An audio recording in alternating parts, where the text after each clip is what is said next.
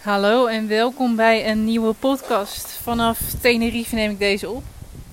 Ik zit ook buiten en als het goed is hoor je lekker een vogeltje en de zee. Dus nou, helemaal Michael Pilarczyk uh, setting hier.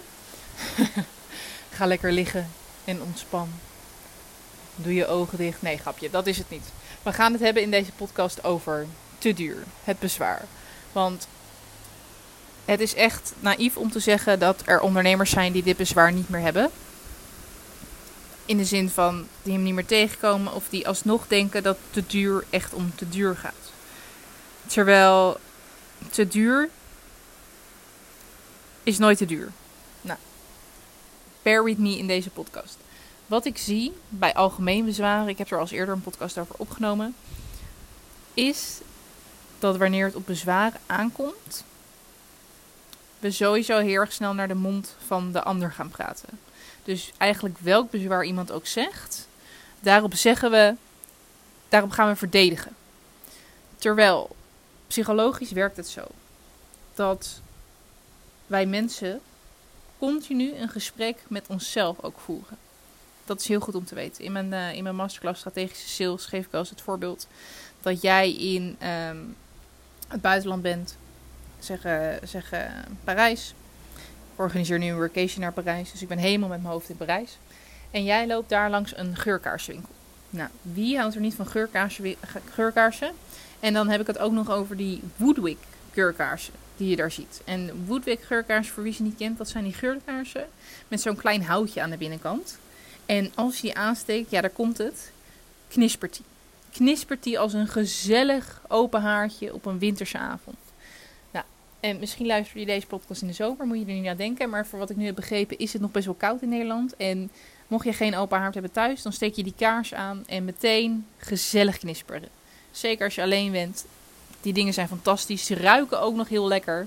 Goed, genoeg reclame voor Woodwick. Je loopt langs de winkel en je denkt: hey, Woodwick geurkaarsen. En vanaf dat moment begint er intern gewoon bij jou al een discussie in je hoofd. Daar kan je niks aan doen. Zo gaan de gedachten gewoon. Tenzij je dus wel Michael Pilarczyk bent, dan is het hopelijk lekker rustig in je hoofd. Maar over het algemeen, zeker bij vrouwen, begint er al een discussie met jezelf te komen daarover. Van moet ik nou die, die geurkaars kopen? Moet ik nou ehm, naar binnen of niet? Ja, ik ben wel in Tsjechië. Hoe krijg ik die geurkaars mee terug?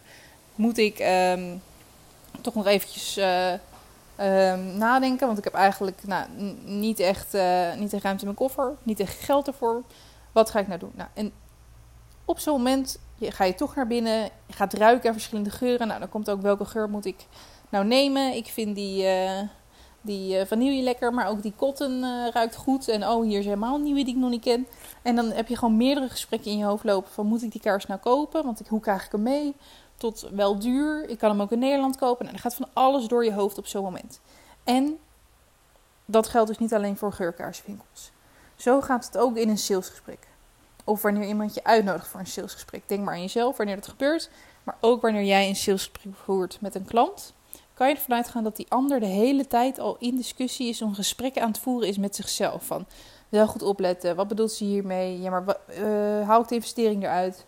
Wat zijn de kosten? Uh, hoe lang duurt het nou? En iemand is zich daar niet bewust van. Net als jij je waarschijnlijk daar niet bewust van was. Dus op het moment dat jij je aanbod hebt gepitcht. En iemand zegt ik vind het te duur, dan is dat nooit, ik vind het te duur. Hè, en diegene kan dat zelf wel denken. Dus ik zeg niet dat jij dat mogelijk niet denkt, of jouw klant dat mogelijk niet denkt. Alleen, het is een, een gedachte van je brein om jezelf veilig te houden op dat moment. Van, ik heb dat geld nu niet op mijn rekening, of ik heb dat geld hier nu niet voor over. En zo gaat de discussie in het hoofd van je klant. Jij moet als expert en dat ben je als je salesgesprekken voert. Dan, ben je, dan bied je iets aan ergens en ben je expert in iets, bij deze. Maar als expert is het ook jouw taak om op salesgebied te herkennen dat deze klant dus een vraag eigenlijk stelt. Of eigenlijk aangeeft met te duur, dat dat eigenlijk betekent: ik vind het op dit moment nog niet waard.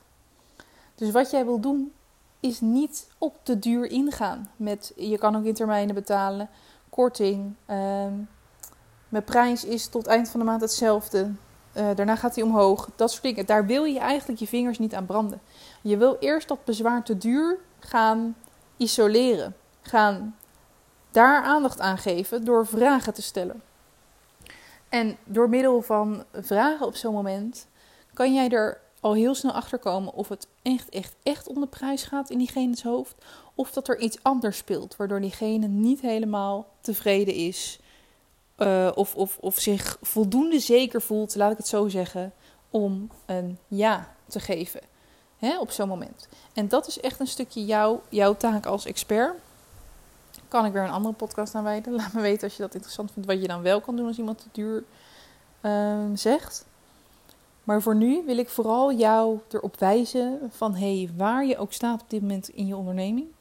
Of je net gestart bent, of al drie jaar bezig bent, of al vijf jaar, dat maakt niet uit. Want er zijn altijd weer nieuwe bezwaren die je tegenkomt. En uh, ik moet goed zeggen, niet steeds weer nieuwe bezwaren. Er zijn een aantal hoofdbezwaren waaronder je alles kan schalen. Maar in elke fase waar jij als ondernemer doorheen gaat, zul je ook zien dat er constant weer een nieuw bezwaar trending is. En dat komt door wie jij bent en hoe jij in dat salesgesprek staat.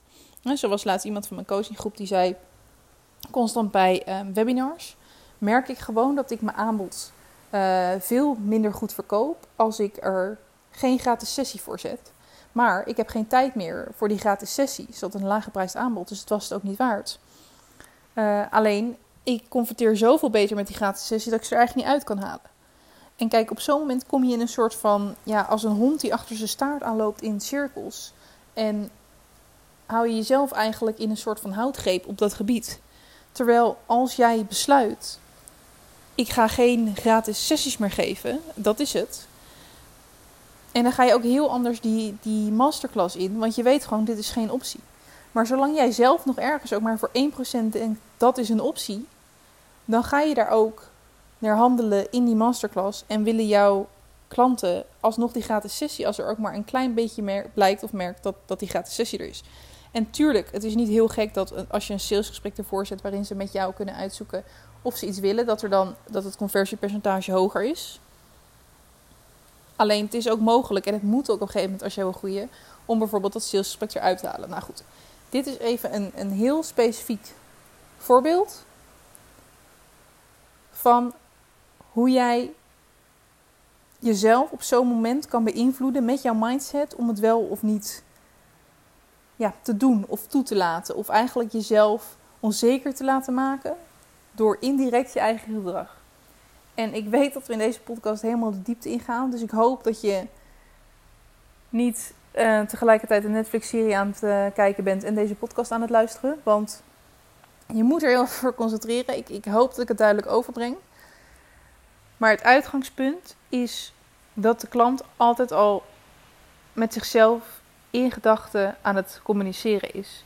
En dat de opmerking die ze zegt ik zie gewoon dat, dat ondernemers zich daar snel door laten afschrikken.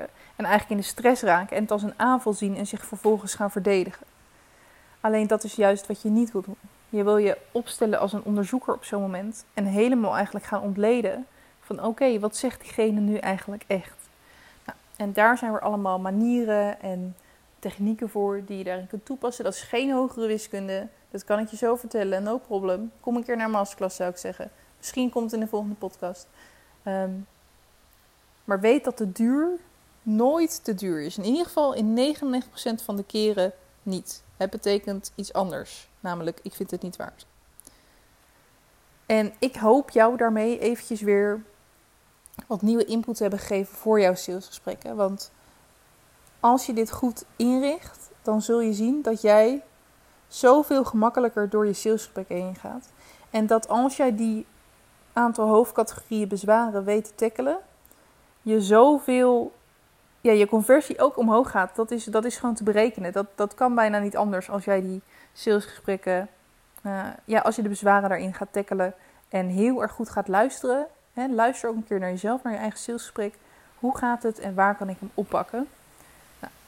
En uiteraard, wil je dat ik daar een keer meekijk, dan kan dat. Boek een vrijblijvende call bij mij en dan weet ik zeker dat ik binnen 10 minuten heel concreet kan zeggen waar het in jouw salesgesprekken misgaat. Of in ieder geval waar nog winst te behalen valt.